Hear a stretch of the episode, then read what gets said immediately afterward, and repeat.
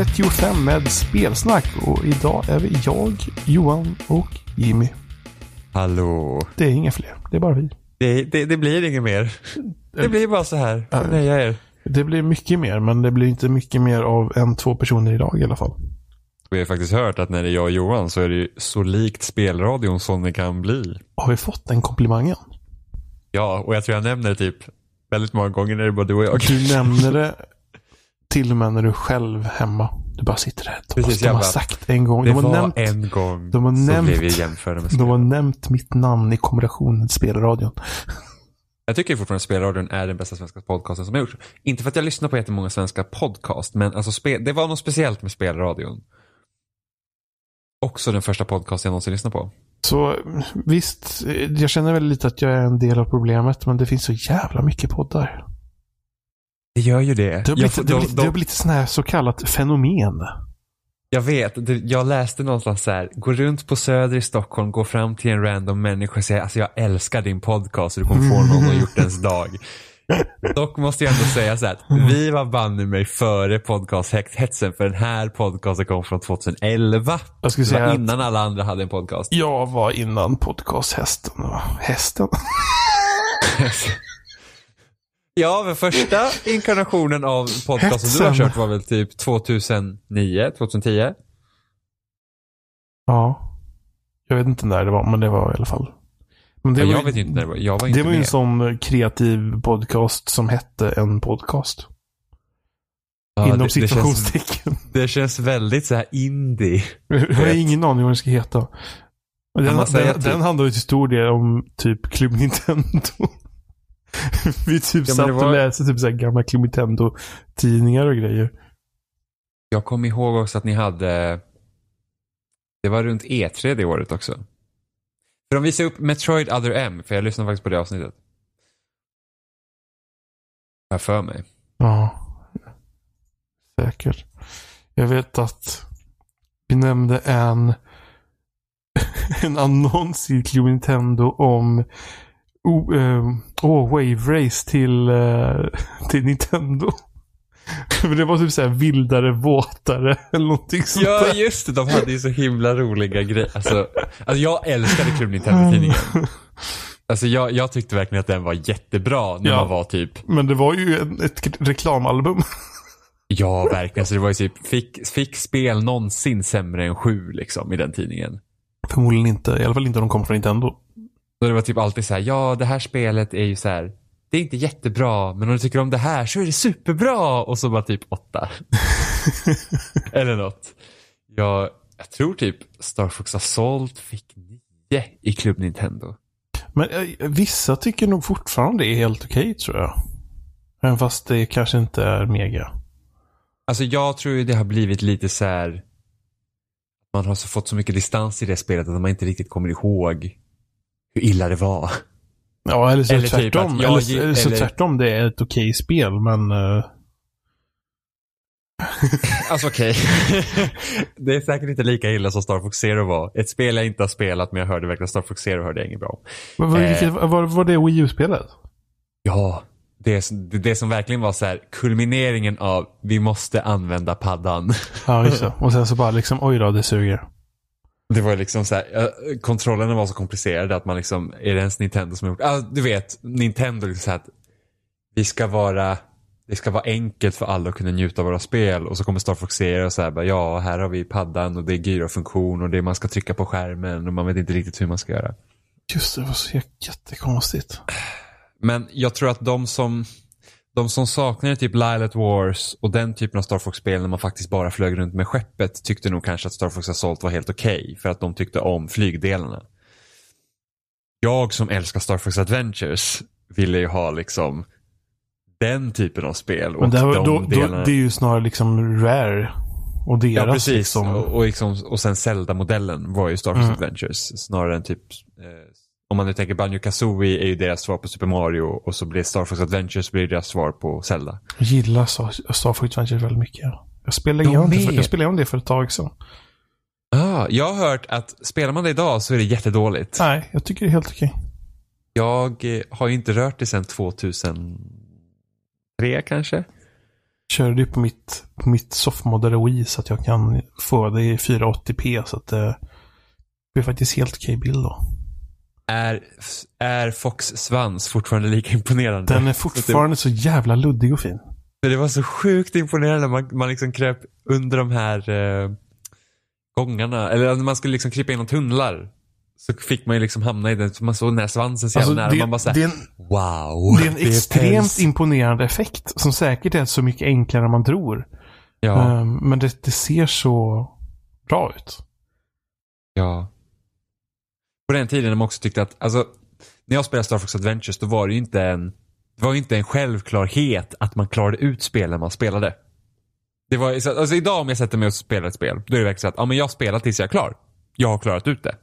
Men när man var liten, då var ju inte det, det var ju inte självklart att man kände att man spelade ett spel och så bara, jag kommer ju komma i mål. Antingen var spel så pass svåra, eller så var man själv så dålig att liksom, det, man spelade och sen så kanske man tröttnar på spelet så är man klar istället för att nu har jag klarat ut spelet, nu är man klar. Det tog ju ganska lång tid för mig att klara Star Fox Adventures tror jag. Samma Ja, Metroid ja. Prime tog också väldigt lång tid för mig att klara totalt sett. Sen har jag klarat Jag- det ett par gånger efter det, men eh, den första gången Ja, var väldigt lång tid. Jag klarade inte Metro Prime förrän jag faktiskt spelade ut det på min Wii sen. Mhm. Eh, faktiskt. Nej, Jag, jag har faktiskt ettan och tvåan har jag klarat. Ettan i alla fall en två, tre gånger. Tvåan har jag nog klarat ett par gånger. Trean har jag aldrig klarat. Jag har aldrig klarat tvåan. Jag, har ju Metro Prime Trilogy. tvåan. Jag har Metro Prime Trilogy på min Wii U faktiskt. Då skalar ni upp det till HDMI och grejer. Så det, Mm, så att jag borde egentligen ta mig igenom de spelen. Faktiskt. Eh, igen. Jag, jag kommer ju bara ihåg att Metro Prime har ju samma problem som Wind Waker. Är det att du har ju typ klarat spelet och sen så bara, öh, nu ska du ha de här artefakterna också. Ja. Så du får gå och leta efter. men jag och tycker det, sånt blir så jävla jobbigt. det är inte så farligt med Metro Prime, tycker jag. För det är ändå... Det är nästan bara att... För man, hur är det? Man har alla ledtrådar, man har skannat de här totempålarna. Där man möter Meta Ridley. Mm. Och sen är det bara att läsa dem och då är det typ, om det är namnet på... De kom, I den texten nämner de området och vilket rum det är typ. Fast samtidigt, det hade inte behövt vara där. Det är det jag känner. Det är verkligen Nej. helt onödigt element i det spelet. För att när, Ja, det måste, jag vet inte vad de har tänkt men det måste väl, tanken måste vara att det ska vara någon typ av utfyllnad på något sätt. ja, Eh, det är liksom bara, oj, dra ner- spelet dra ner är inte dra ner 20 på- timmar. Det måste vara tempo. lite längre. För det är väl till och med att när man är klar med det så är det Meta Ridley och sen slutbossområdet tror jag. Ja, ja men det är i princip, det, alltså det, det är verkligen så att du kommer till slutet och sen så bara är det en stor jävla fet vägg och bara så här, nu kommer du inte längre. Och det, Men- sånt är så irriterande för att liksom, Det kan, kan det inte vara så när de har tänkt att de gjort det i spelet. Att man stöter på de här ledtrådarna när man har fortfarande en bit kvar. Och så... Att man liksom, man gör det samtidigt som man gör andra saker typ. för att jag har för mig att du kan ju hitta artefakter innan du kommer dit. Liksom att du, det är inte säkert att du behöver gå till alla när du inte kommer vidare sen för att du kanske gärna hittar några. Men det är, nog- det är nog Men- någon, det är nog någon miss där. Att de har tänkt att det ska funka på ett visst sätt och sen har det inte funkat på det sättet. Så det slutar med att alla bara har alla artefakter kvar på slutet. Och då blir det inte som de har tänkt sig. Ja, om det inte är någon designfilosofi de har gått igenom med tanke på att Wind Waker hade exakt samma grej. Ja. Med Triforce-jakten. Triforce-akten vet jag att jag använde... För mig Nintendo hade en tidning. Eller en karta. Ja, Med alla, så. vad som finns i alla rutor. Jag kommer ihåg att när man, när man har, det är de två templen innan Triforce-jakten när man behöver ha vad är det, ispilarna och eldpilarna. Som man måste hitta.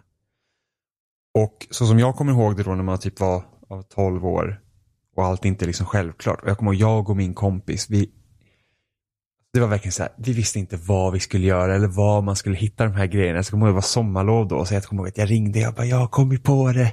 Man ska till den här ön för att här finns de här pilarna och då kan man släcka det här borta och då kommer man in i det där templet och kände sig så jävla lycklig för att man har löst det. Så tänk på den tiden så här, visst internet fanns och man kunde säkert liksom, alltså typ Cheat Code Central fanns det någon sida som Ja, hette. mycket och sen GameFAQs såklart. Men, men där man kunde liksom hitta tips hur man skulle göra. Eh, men liksom att, att man kunde liksom sitta flera månader på ett pussel och vara så här att jag kommer liksom inte vidare. Och nu är det så här typ, jag har spenderat fem minuter på det här jävla problemet nu. Jag orkar inte. Så bara googla och så bara, ah. Så jag skulle göra, okej. Liksom att så fort man hamnar på något där det tar liksom stopp nu så är det bara så här, nej, jag ska ha hjälp. det här är bullshit, jag orkar inte. Alltså Metroid Prime 1 och 2 hade funkat så nice om man hade portat det till, till Switch. Ja, alltså. Om man tänker nu ett normalt, så här, lite mer så här, pengagirigt företag. så hade det känts så himla självklart att ja, nu kommer ett nytt Metroid Prime. Varför inte porta över Metroid Prime 1, 2, 3 till Switchen och sälja det i ett paket? Men 3 skit i. Alltså trean, alltså trean har väldigt bra musik. Tycker jag. Jo, jag, men jag orkar inte. Det, jag tänker bara att det är nog jobbigare att porta. Så att bättre de satsar på ettan än tvåan. För det, det, det borde vara enklare att porta. Samtidigt så vad fan. De kan ju lika bra göra om Prime 3 så att det funkar utan motion controls. Och så Alltså, måste det- du ta bort. För det är så här grejer typ att du så här stoppar in armen i saker och vrider om. Ja, men det är typ så här, gå in i den, håll in en knapp och sen typ snurra lite på kont- dosan eller någonting sånt.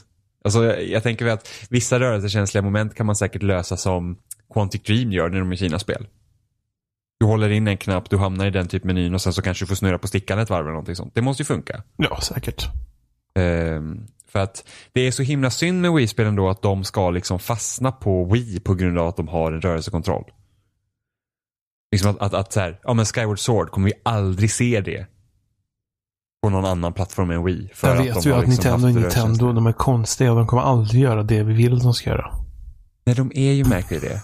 Men äh, sen ändå apropå portar sen när man tänker att så här, ja, med, med tanke på att man lever liksom i en tid där remasters och, och sånt kommer hela tiden så här. Att EA inte har släppt Mass Effect Trilogy. Det är weird. Ja, jo det är det Och faktiskt. så, för de sa ju så här, det, det kom ju typ, undrar om det var när Peter Moore, kan det ha varit Peter Moore som sa det? Jag tror det. När han sa typ så här, ja nej, men alltså vi på EA, vi satsar liksom inte på remasters för att liksom, vi, vi väljer hellre att satsa på nya spel.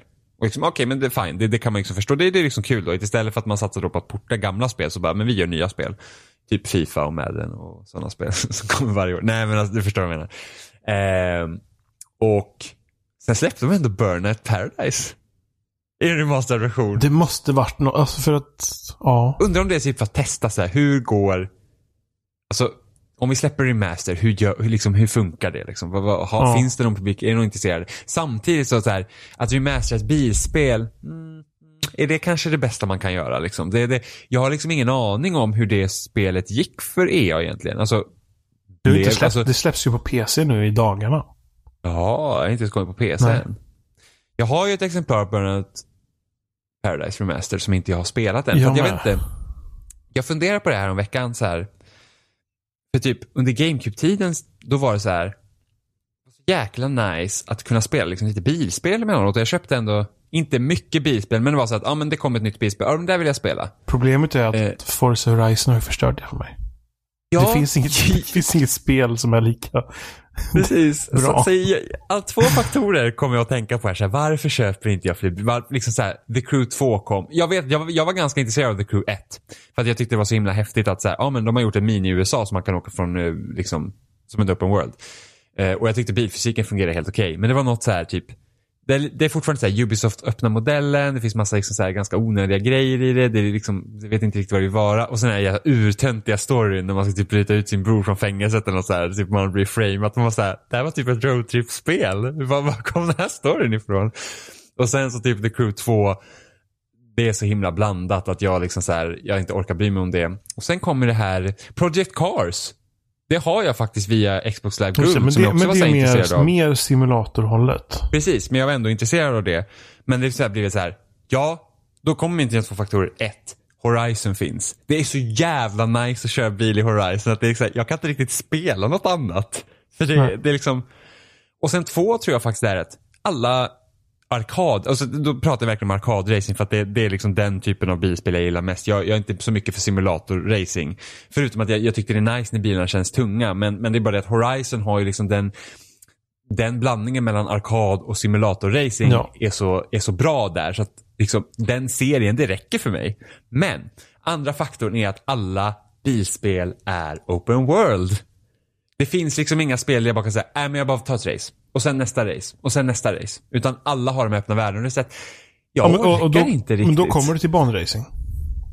Där är det så. Forza Motorsport. Till exempel. Precis, men, men det finns liksom inte arkadracing där jag bara får racea. Nej, precis. Eh, som typ, jag, jag kommer nu inte ihåg Need for Speed Hot Pursuit som kom 2012. Det som Crit- Criterion gjorde. Var det open world eller var det bara racing?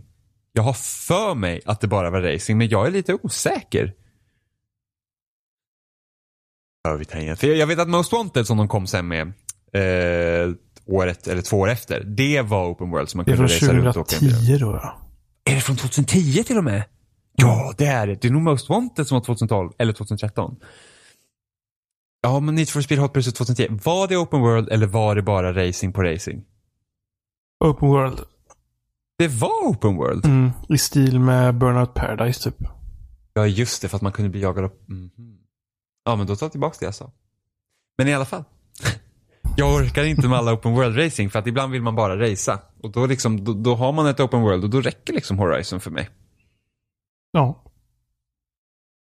För att, Jag känner att jag... Det är liksom det spelet som jag har spelat sedan det kom. mm. Jag spelar fortfarande liksom med jämna mellanrum. Det... Men ibland känner man bara såhär, jag vill bara köra bil. Men det var, sen, sen var undantag när jag fick recensionsemplaret till... Ska vi se, vi, vad hette det Need for Speed? Var det Need for Speed Payback? Payback. vad är det Vad det hette? Det måste det heta va? Jag tror det, att det är Need for Speed Payback. Ja, det är det. Och det var ju förstört av... Mikrotransaktioner. Ja. Men de tog bort det sen va? De, de justerade väl lootboxarna tror jag. Och sänkte tiden för hur ofta butikerna refreshades. Ja, det är ett sånt konstigt system Ja, fortfarande. det är, det är fortfarande sönder. det är så jäkla weird. Liksom, Ja. så här, va, va, alltså, hej, vi har ett progressionssystem, men det spelar ingen roll egentligen hur du gör det. det allt kommer ändå vara Men jag var slumpmässigt. så jävla fast i det spelet. Jag, liksom, jag bara liksom, jaha, kommer jag spela det Och sen liksom lägga till så här, tidsbegränsningar som ett jävla free to play skit mobilspel liksom. Nej, det var... Det, det fanns ju någon grund där som var ändå helt okej. Men det, det var så konstigt här med att du hade... Du kan byta de här delarna och så är det typ att du kan uppgradera dem bara. Men för att få tag på en bättre del så slumpas den i butiken. Så det kanske inte finns... Ja, det är jätteweird. Ja. Alltså det, snacka om att vara så här helt bara suga ut allt det roliga. Det, var- det, det, det, det var det som var så absurt. Jag vet att när Feber.se la upp nyheten om att de skulle justera de tiderna. Mm. Så var det en i kommentarerna som skrev att den jobbade på Ghost Games. Och Ja. försvarade spelet. För han hade fastän speltestat spelet. Det hade funkat utan problem. Han hade aldrig känt att han blev stoppad någon gång av någon funktion i spelet. Alltså jag kan ju ändå förstå att man vill försvara sitt spel. Alltså även om man, alltså det kan ju vara så att den här personen även den liksom är frustrerad över att man måste göra något sånt och sen liksom bara säga att ja men vi har ju bara gjort det bästa utav det. Ja. Men det kan man inte kanske skriva som man försvarar det. Det kan ju jag helt enkelt Nej, förstå. men då blir det ju bara dumt. Ja, jag vet. Jag vet. Så, så, så är det ju. Men liksom, jag kan ändå förstå att man liksom bara säger att fan. Alltså jag skulle själv kunna tänka mig att liksom arbeta med något kreativt och sen så liksom så här, det kommer beslut eller krav som måste ha med och man liksom bara säger alltså hade vi bara fått göra så här. Men det, var- det, var, det, det liksom- var liksom, det spelet jag kommer ihåg, det var fint för att det var ju Frostbite såklart, som är alltid Frostbite. Eh, men, ja. Så, det, det, var, det var typ ett, ett världsspel där man inte kom någonstans för att... För att det var liksom som, Det var så- det var så konstigt Det hade och det liksom en free to play sig. modell i det. Ja. Liksom helt enkelt. Flum flum flum. Eh, nej, Forza Horizon, det, det blir inte bättre än så. Har du sett den här lilla typ Gamescom-teasern av Battlefield 5? Ja. Ja, för att inte för att man fick se jättemycket från det spelet. Eller liksom att man har så här, oh nu har jag så mycket att säga om Battlefield 5 för att vi såg den lilla teasern. Men det jag tänkte på, eftersom de ska ha Battle Royale i det. Och det skulle bli, alltså, jag tror det är mest jag är intresserad av Battle Royale-spelet i Battlefield. Och även jag är lite förvånad överhuvudtaget att de sätter ett, ett Battle Royale-spel i Battlefield. Inte för att det är såhär, oh, it makes no sense med tanke på att det är typ så här, det hetaste spelläget som existerar just nu. Men för att DICE vanligtvis inte brukar hoppa på trender på det sättet. Förvisso har de liksom haft en kampanj liksom i Battlefield, så att ah, men kampanjen går bra för Cods, vi lägger till en kampanj och försöker typ göra lite så. Men det här med typ att när det kom de här hårdlägen eller zombieläget i Call of Duty så var det en massa som trodde att oh, det kanske kommer ett Dino Mode liksom i, i, i Battlefield. Men det, det kom ju liksom aldrig. Utan de har ju alltid varit ganska varsamma med att testa liksom vilka grejer de ska ha i sina spel. Utan de är såhär, men Conquest är Battlefield, Rush är Battlefield. Sen har man liksom lagt till så Domination och Team Deathmatch. Men det är mer standardlägen som liksom har funnits i multiplayer-spel hela tiden. Så att när de inte utannonserade ganska tidigt att de skulle ha ett Battle Royale-läge i Battlefield 5 så tänkte jag att men de kommer nog kanske inte ha det för att det är inte riktigt så de brukar göra det. Men ja. nu har de det. Ja. Det jag såg liksom i den här teasern bara så att Fan, det, är fan så det kommer ju finnas fordon här. Hur fan ska det fungera om någon vad, sitter i en tank? Det måste du inte göra. Men det, var, det var en tanke i den här teasern. Jaha, var det för Battle Royale-läget? Det måste det vara för att, så, har, du, du, har du spelat typ Fortnite eller eh, ja. Pub? Mm. Då, då har du det här elektriska fältet som kommer för. Ja, ser man något sånt typ? Ja, men inte elektriska fältet. Det är fucking eld. Det är ett inferno som jagar dig. Ah. Vilket jag tycker så här, det måste ju vara sjukt jävla skrämmande när liksom, det är inte bara så här typ att ah, det är lite el utan det är fucking eld. Det är som en eldstorm som kommer. För då såg man så här, det, det är fortfarande efter konceptet den runda ringen då. Men, men man i PubG har man i alla fall fordon. Ja, då, då var det en tank med där. Så att det är frågan, kommer, kommer det finnas tank i banan så att du hittar dem precis som typ bilar? Kommer det komma typ ett, ett dropp med en tank som man får slåss om? Det, det känns som hur som helst så det är en sån här sak som kommer få patchas till förbannelse innan det funkar. Innan det faktiskt funkar. Bara de inte lägger till den här jävla stora gunshipet i luften så kan man ändå vara lite nöjd. Ja men det hoppar man ifrån. Ja, men sen man, så, ja, man kan hoppa från gunship, men är du snabb då kan du sitta där i början och sitta och säga Simon 30 bara puff. Eh, för att jag kommer aldrig glömma när de la till det jävla gunshipet i Battlefield 3 och det totalt, totalt förstörde vi, iglas och sånt vi hade i spelet. För att de fick så long range. Vi hade ju en server på Xbox där vi typ så kickade folk så fort de satte sig i gunshipet. Ja, alltså det, alltså jävlar. För det kom de här, det var ju de här stora, de största banorna i Battlefields historia skulle komma då till konsol. Mm. Eh, eller till, till, till Battlefield 3 överhuvudtaget. Och problemet mellan PC-versionen och konsolversionen är att konsolversionerna var ju så få spelare. Så mm. att mhm. när du kom till de här banorna, det, du såg ju för fan inga människor. Det var ju liksom så stora områden och det var så glest för de hade inte anpassat de här banorna tillräckligt mycket för konsol. Och sen var det här gunshipet då i luften som bara liksom totalt, totalt bara förstörde liksom spelet. Det var helt trasigt för att liksom, spelar du Rush, du kunde inte göra ett jävla skit. Det fanns liksom inte en chans. Det var liksom, de som hade gunshipet, det var, de, bara, de bara körde över. Så vi, vi hyrde en server då och eftersom man inte kan modifiera servrarna i Battlefield 3 på det sättet att man bara säger, äh, man tar bort de här grejerna så att de, de finns inte ens. Då var det så att man fick skriva liksom i, i beskrivningen såhär, no gunship, uh, use of gunship, you will get kicked liksom. Eller bannad. och, och, och, och det enda man fick göra, in, för du var väl också admin i den här servern va Johan? Ja. Ja. Så det enda vi fick göra i den här servern, det var att kicka folk som använde gunshipet, svara på meddelanden som var sura över att ja, de blev kickade av gunshipet. Nej, de slutade inte använda det. Och sen så var det, så fick man alltid det här med, bara, åh, ni kickar bara folk som sitter i gunshipet på din sida, men ni kickar, eller på, på vår sida, men ni kickar inte de som är på er sida, vilket inte stämmer jag satt ju bara och kickade folk. Men liksom så här, det är inte som att jag hinner kicka folk innan någon dör. Så fick man svara på armén så bara, jo det gör jag visst. Jag hinner liksom inte ens själv spela för jag sitter bara och kickar folk. Du förstör verkligen så glädjen i spelet. Ja, alltså jag totalt ledsnade på Battlefield 3 då. Jag, så här, jag, jag säger så här, när, när, när typ ens månad gick ut efter man haft den här servern så var det så här, nej, ja, nu, nu får jag ta en paus för jag vet jag orkar liksom inte. Det var lite synd. Speciellt med tanke på att det mappacket följde upp Domination mappacket som var det bästa mappacket som man gjort någonsin till ett Battlefield. Domination var så jävla roligt. De banorna var ruskigt, ruskigt jävla bra. Och det märker verkligen hur duktiga DICE är när de verkligen fokuserar. Bara, vi gör banorna till det här läget. Ja, jag, jag har faktiskt hoppat tillbaka några gånger och kört Battlefield 3 på PC. Mm. För att köra Team Deathmatch och för att köra Domination. Mm. Och Domination är fortfarande hur bra som helst. Siba Tower, så jävla bra bana. Så jävla bra bana. Jag springer runt med en Famas, nej, den nerfades sen.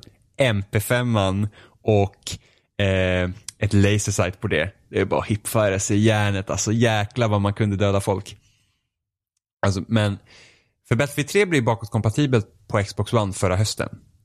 Och jag tror också att det blir gratis på guld vid samma tillfälle. Så att jag, då laddade jag ju ner det och spelade. För att liksom känna så här att det, det, både i Battlefield 1 och Battlefield 4 så känner jag liksom att fordonen i de spelen har inte riktigt varit up to par liksom, med vad jag vill ha det. Och det är bara det att fordonen är mycket bättre i Battlefield 3. De är starkare, de är snabbare, du har inte det här konstiga ladda om-systemet som finns både i ettan och fyran. Eh, Så det var roligt att köra fordon helt enkelt. Och jag känner inte att fordonen var trasiga i det spelet. De, de var farliga. Jag kommer ihåg att när jag började Men- spela fyran så fattade jag inte hur man styrde fordonen för de har ändrat kontrollen så mycket. Ja, så man fick ändra sig till legacy-kontrollerna så att det Ja, och de, var, var inte, det de kändes inte rätt de heller för mig. Det var något som var konstigt alltså. Kommer inte jag ihåg riktigt. Weird bara.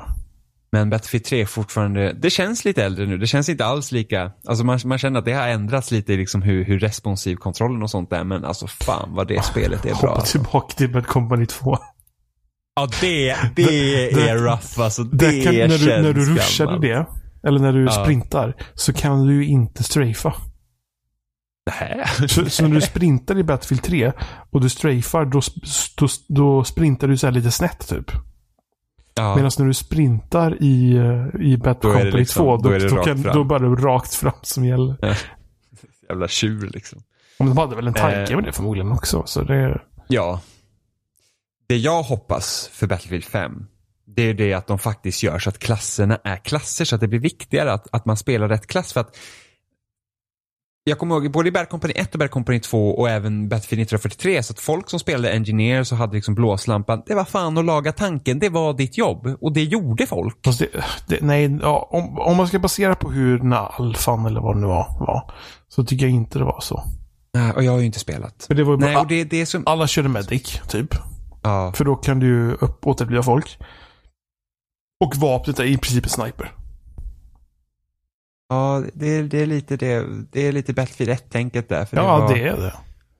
Det är lite synd för att det är liksom så här, och speciellt i Battlefield 1, för då var ju supporten fick ju blåslampa, men det var liksom inte, när de har gjort, öppna upp klasserna på det sättet de har gjort så att man, man inte, du, du kan liksom spela lite hur du vill. Då, då är det så här, då, då glöms vissa roller bort och då blir det mer så att det spelar ingen riktigt roll vilken klass du spelar som. Och sen så sitter typ 30% som snipers någonstans. Mm. Det var jättejobbigt i Battlefield 1. För så här, många gånger man hoppar in i rush, man var så här, ja så vi är två i mitt lag nu som inte är snipers. Men samtidigt så har de ju statistik på, på deras spel så att nej men alltså det är väldigt mycket bra fördelat. Nu vet inte jag hur det ser ut på Battlefield 1 men jag vet att det har varit Mm. samma liksom, diskussioner kring både Battlefield 3 och Battlefield 4. Så att nej men alltså det är 25% som typ spelar alla klasser. Så att det är liksom, det är jämn fördelning. Men samtidigt så, du vet- menar de på en match då? Menar ja, eller de... kör de liksom alla lägen. Ja. Liksom, så har, eh, för, att, för att det är ofta man hoppar in i Battlefield 1 och man säger att vi är två i mitt lag nu som är något annat än snipers. Det är bara två som inte är snipers. Så att, va, va, va, det går inte att göra någonting. Man har hela sitt lag bara sitter någonstans. Så plötsligt ingen avancerar för det är ingen som vill vinna. Så att eh, jag vet inte hur man tacklar det problemet egentligen för de har ju inte lyckats lösa det nu på, på, på länge. För det, det är liksom, det blir ju jobbigt. Så man säger, bara, jag är den och speciellt om man säger, men jag kanske skulle vilja spela sniper någon gång, men det kan jag inte göra det för att jag måste pusha för vinst liksom. Och sen var det så enkelt att snipa Battlefield 1. Det var ju ruskigt enkelt att snipa Battlefield 1. Jämfört med trean till exempel. Trean var ju grov eh, bullet drop. Mm. Det Ingen bullet grov. alls i B5. Noll. Inget alls. Så det var då, Mm. så, du, så man siktar någon på en kilometers avstånd och siktar på huvudet och dör Yes. eller? Varför? Vet inte. Jag märkte inte av någon Det- bullet drop alls. För det spelet. känns som att det uppmanar ju till liksom snipers att sitta någonstans. Jag, jag satt ju, jag började när jag spelade spelet så eh, försökte jag kompensera och testa mig fram eh, liksom när jag var ett visst avstånd hur eh, hur bulletdroppen var helt enkelt. Eh, Mm. Märkte att jag aldrig träffade. Sen började jag sikta med siktet rakt på bara. Då träffade jag direkt. Varför Men jag, har inte, alltså, jag har inte sökt på det eller så. Det, det kan vara Nej. så att eh, det är bara väldigt låg. Men eh, jag upplevde det som att det inte var någon alls i alla fall. Ja, fan jag skulle vilja intervjua någon så här typ lead designer på Battlefield och fråga, hur, liksom, inte bara så här, varför har ni gjort så här? Utan så här, hur tänker ni när ni sitter i om klasser? Hur tänker ni med sniperklassen? För det här, så här brukar jag uppleva det liksom. Och så undrar jag av de här, liksom, var, varför ger ni de här vapnen? Så bara, liksom, vad är filosofin bakom det? Det skulle vara sjukt intressant. Just när man spelar de spelen så himla mycket. Alltså hur, hur, hur, man liksom, hur tänker man kring den klassen? Hur tänker man när man, liksom, man ska få folk att använda sig av olika equipment och liksom vad, vad är, hur tänker ni när ni designar det här och, och vad, hur tänker ni sen när ni faktiskt ser hur folk spelar? Gör ni med feedback? För det är så att tar man feedback från proffsspelare, det är ju en helt annan upplevelse än man tar från någon som spelar vanligt. Som Och alltid så, proffsen kan ju mycket vara så att, ja, men jag springer runt som sniper det, och så. det där är så svårt det där med att att, att, att som skapare då försöka filtrera ut vettig information. Mm. För att de, man kan ju inte lyssna på pöbeln. Nej. Nej, nog inte ens när vi liksom sitter och säger så här, så här känner jag att det är konstigt, men det är kanske för att det är bara vi som kanske upplever det. Så vi spelar på ett visst sätt. Liksom hur, liksom hur har de tänkt? För att sen finns det så här, typ initiala reaktionen, typ när jag spelar Titanfall, så bara, jag förstår inte alls varför de har gjort så här. Och sen när man har spelat kanske en så här 20-30 timmar, då bara, ah, nu klickar det. Som man tänker typ Titanfall 2, jag säger att jag fattar inte varför de har gjort så här med Titans. Alltså. Nu tycker jag ju fortfarande att, att, att Titans är inte alls lika roliga att spela i tvåan som i ettan för att Titans i tvåan tål inte lika mycket. Och det gör att man inte liksom, Titans blir inte lika farliga på det sättet. Men det kräver också att man kanske samarbetar mer i laget och måste liksom komplettera varandra. Men spelet är samtidigt inte riktigt upp, inte hårt klassat. Det är inte Overwatch i klasserna. Så att liksom, det är inte lika hårt skruvat åt det hållet. Så då är, kanske man inte liksom, funkar inte riktigt så. Eller typ att det här med att Titans hade batterier och det var så man laddade upp skölden. Och då måste man ju se till liksom att faktiskt piloter hämtar upp ett batteri och går till en Titan som behöver det. Men folk gör ju inte det om man inte sitter med folk liksom som man samarbetar med. Och då är det så här, hmm, hur ska man tackla det? Eh, och sen så här typ, man la enterhaken la man till en specifik klass. Så att det behöver liksom lägga till. Men jag känner så här att, hmm, med tanke på att Titanfall är ett sånt spel där faktiskt rörelse spelar så stor roll, då känner jag liksom att alla borde ha haft enterhaken. Så att man faktiskt kan röra sig på det sättet. Och sen så bara, varför finns det snipers i Titanfall? För det känns inte alls som att det är sånt spel som ska ha snipers. Det är det enda liksom typ kritik jag har med vapen typ i Titanfall. Det är så att varför är snipern där? Det är inte, det är inte så att man ofta dör av någon som är sniper liksom, eller att man har en sniper som sitter bak och inte gör någonting. Det känns bara som att snipern är där för att det är en sniper och man måste ha snipers när det är shooters. För att den, jag tycker den är fortfarande helt onödig. Jag tyckte både ettan och tvåan. Sen finns det folk som, åh, titta mitt snipermontage på YouTube. Man så här, jo, Ta- men det ta- handlar om ett spel att vara så pass i rörelse och när du har en sniper så är det i princip, då blir du liksom stillastående. Titanfall 2 lanserades så jädra fel, kommer jag ihåg. Ja. Det gjorde det. Helt Det, det var så här, sinnessjukt. mellan Battlefield och Det, Call det var liksom, Duty. för, för att, när var det här? Det måste varit, var det 2006? Ja, 2016. Ja.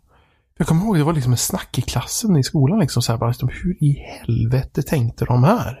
Ja, och inte bara det. Det var så här, EA hade både Battlefield och Titanfall. Det var så här, what? Alltså Titanfall 2, fortfarande ett bra spel, hade varit mycket bättre om det släppts på våren där. Alltså i och för sig, våren 2017 var en ganska sjuk vår också med så här Horizon, Zelda, Persona 5. Det kom ju massa liksom så här stora spel. Så att, men, men liksom, för Titanfall 1 släpptes på våren. Och det var ju förvisso liksom när det inte hade kommit riktigt så här, den här generationen hade liksom inte riktigt tagit fart än. Och det var väldigt hypat. Men samtidigt så att fan släppades en vecka efter Battlefield tror jag det var. Och så veckan innan Call of Duty. Det är liksom, det är inte någon bra, inte ett bra sätt. Det var jättekonstigt. Det är märkligt verkligen. Får se om Titanfall 3 kommer för att nu håller ju Respawn på med Star Wars. Just det. Som vi inte riktigt vet vad det är för Ja, det, var så, det var också en sån här konstig sak på Ja. Men det är så här, jo men det är så konstigt, vi visste att de arbetade på Star Wars-spel. Redan innan Ja. de teasade på E3 och sen så bara, ah, vad gör ni? Ja men vi jobbar på Star Wars. Jaha, kommer det en trailer nu eller? Nej. Nej, det det, gör det var, inte. det var bara Vi, vi arbetar på Star Wars, ni kommer gilla det. Man var såhär, aha. konstigt på riktigt. Ja, det, det, var, det var vä- väldigt, det var mycket på E3 år som var väldigt märkligt. Åh, Nintendo. Mm, ja, Vi har ändrat våra karaktärer. Vi har ändrat ansiktet på Wii Fit Trainer. Och man var så här, "Va?" Men det är så här typ, det är så, det är så japanskt. Det är så här bara, vi, alltså, det var som när jag och Oliver pratade förra veckan. Att liksom att när Captain Toad Treasure Tracker var egentligen ett Zelda-spel från början. Eh, och anledningen till att det inte är det är för att nej men alltså det här med att man ska gömma sig bakom, bakom eh, grejer och sånt och arbeta med kameran. Det passar inte riktigt Link för att Link är så modig. Så han skulle ju bara vilja attackera fienderna. Och man bara, är det verkligen anledningen till att det inte blev ett Zelda-spel? Liksom? Så det är jättekonstigt. Så, här. så att eh, det, det, det, det är lite märkligt. Men alltså, det är ganska intressant. Alltså Super Smash Bros Ultimate, för det kom ju Nintendo Direkt förra veckan. På Ja. Okej, vad, vad, hände då? Nej men det här med att så här, det verkligen ser ju det, det ser ju verkligen ut att de fortsätter den här linjen de hade med, alltså Brawl, när Brawl kom så kändes det att det här är liksom typ Nintendos museum i Smash. Liksom. Det är Ja. verkligen så att allt som de har gjort där. Och sen fortsatte de med Wii U. Wii U liksom. Och Ultimate ser ju verkligen ut att bli så här, vi har alla banor, vi har alla karaktärer och nu hade de även så här castlevania karaktärer i det. Så att det, det är verkligen så här, Smash är verkligen eh, liksom bara firande av allt Nintendo och numera typ klassiska spel egentligen. För Ja, spel typ, som har någon koppling med Nintendo typ. Ja, för det är så här, det är inte det är inte Castlevania Symphony Night som många tycker typ är det bästa uh, Castlevania-spelet utan det är, ju, det är ju karaktärer från, vad är det, Castlevania 2 tror jag? Det, Säkert, Det är liksom- säkert Castlevania 1 eller 1, 2 det eller, kan, eller jag, 4 jag eller något. om det var, jag kommer inte ihåg vad de heter, men det är så här, det är så Castlevania från 80-talet. Det är typ He-Man, det är hockeyfrilla, det är liksom så konstiga kläder. Så man sitter liksom, det, jag undrar hur liksom typ, alltså unga människor, vi är ändå så här uppvuxna på, ja men vi är födda tidigt 90-tal liksom. Så att vi var inte så här, det är inte som att vi har levt under 80-talet men samtidigt så här, allt gick inte så jävla fort på 90-talet så att vi har ju ändå sett mycket från 80-talet. Ja, speciellt typ tecknade Och lite- serier och sånt där. Ja, och sen så det, det jag har läst liksom just när, när Hideo Kojima, när han använder olika liksom referenser till sina spel för att saker kommer till Japan så sent.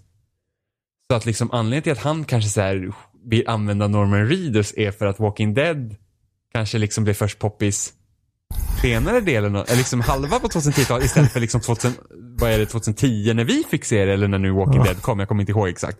Men liksom där fanns här Norman Reedus och sen typ så här, ja, Eh, han tycker om eh, Mads Mikkelsen för han kanske sett liksom så här Casino Royale som kom 2006 här men det kanske blev liksom senare. Det var någon artikel, jag tror det var typ Kotaku, att saker kommer så sent till Japan. Ja, just det, det här.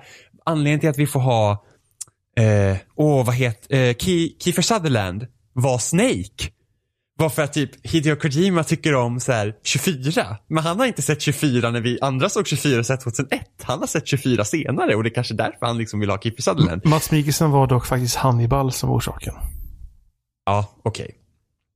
Det, det låter ju logiskt. Mm. Men liksom, så här, Kiefer Sutherland var ju en så här ganska konstigt val förresten. Man var så här, men Fast han känns ju inte så här Det var inte den sämsta grejen med det spelet alltså. Nej men jag tycker inte att han var dålig. Nej, det är jag- udda val. Jag, jag, tyckte det var, jag tyckte det var perfekt. Ja, nej, men jag tyckte också att han gjort jättebra Snake. Speciellt när, eftersom jag Synd inte bara har att man spelat. typ aldrig fick höra honom. Ja, så är det Men så jag, jag, ju som, när jag, jag, jag spelade igenom Metal Gear-spelen för att spela Metal Gear Solid 5. Jag hade inte spelat dem tidigare. Och, och även om så här David Haters eh, röst är ikonisk och folk liksom har växt upp med Metal Gear så bara, ah, tycker de. Och jag är bara så här cringe, cringe. Ja, är alltså. Och var så här, åh, alltså jag hade så himla svårt för hans röst liksom. Och sen så hör man Kiefer Sutherland i Ground Zero så bara så här, det här är mer vad jag liksom tänker mig att Snake skulle låta. Så att jag tycker inte att Kiefer Sutherland är ett konstigt val. Men just Ja, det men han, typ hade Snake, han hade redan den där liksom rätt så eh, rispiga rösten och... ja, lite så här whiskyrösten och, och det passar bra. För att det jag tänker med typ det här med att Snake har hockeyfrilla och grejer, att det liksom aldrig försvann, det kommer ju också så från att så här 80-talet. Det är liksom så här, japaner är liksom lite efter på den grejen kanske. Jag vet inte. Men det, det är så himla, jag undrar hur liksom, vad, vad min po- po- huvudsakliga poäng var. var så här, jag undrar hur liksom barn idag, liksom som när vi när vi spelade liksom sm- m- m- Melee så var vi liksom t- 12 år, liksom 11-12 år. Ja. Det var liksom, då var vårt Smash.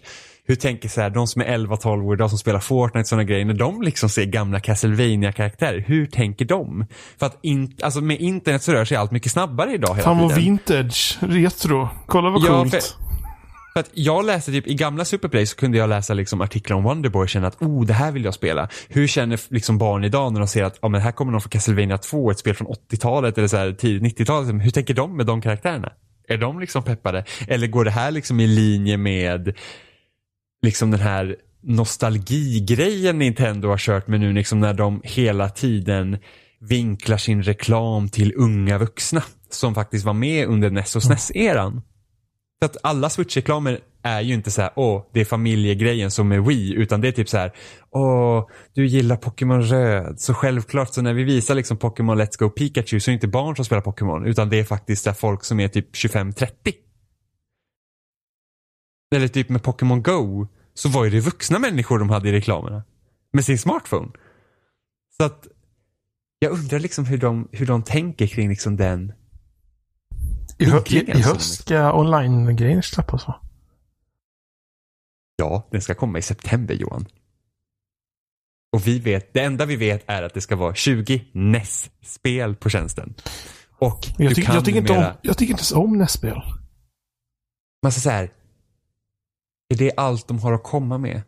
När vi ska, alltså för att nu är det så här att jag spelar inte mycket online på min switch. Jag kommer betala för den här tjänsten för att om jag liksom sätter mig och spelar Mario Kart så kommer inte jag sätta mig och köra mot bottar till exempel. Det är liksom så här, Ja, och nej. så vill man ju se vad som händer också. För det, det kostar ju inte, det var inte mycket Nej, pengar. Var det 200 det kostar för ett år eller 300 för ett Ja, år? Eller precis. där. Så här, och då är det så här, det är inte jättedyrt. Men alltså, kommer inte tjänsten vara mer än vad det är idag? Är det ens värt att betala för känner jag? För att det är så här att det jag spelar gratis nu, okej det är gratis, jag kan förvänta mig det. Jag vill inte riktigt betala för det som Wii, eller som Switch online-tjänst är just nu. Och då tycker inte jag riktigt att det räcker med att man sätter 20 NES-spel med online-komponenter. Eller att vissa spel stödjer molnlagring. Något som borde finnas på konsolen utan att du betalar för det. Med tanke på hur dumt deras sparsystem är när du liksom inte kan... Alltså byter du switch så är dina sparningar borta i princip. Eh, nu med molnsparningen så lär det lösas men samtidigt det är bara spel som stödjer molnsparning. Så att, vadå, ska inte alla spel stödja molnsparning? Och varför inte? Vi vet ju ingenting om den här jävla tjänsten för att de säger ju ingenting. För att då undrar jag att är den så undermålig att de inte riktigt, de smyger ut så bara, nu kostar det. Och det är det. Ja, nej, men det är konstigt.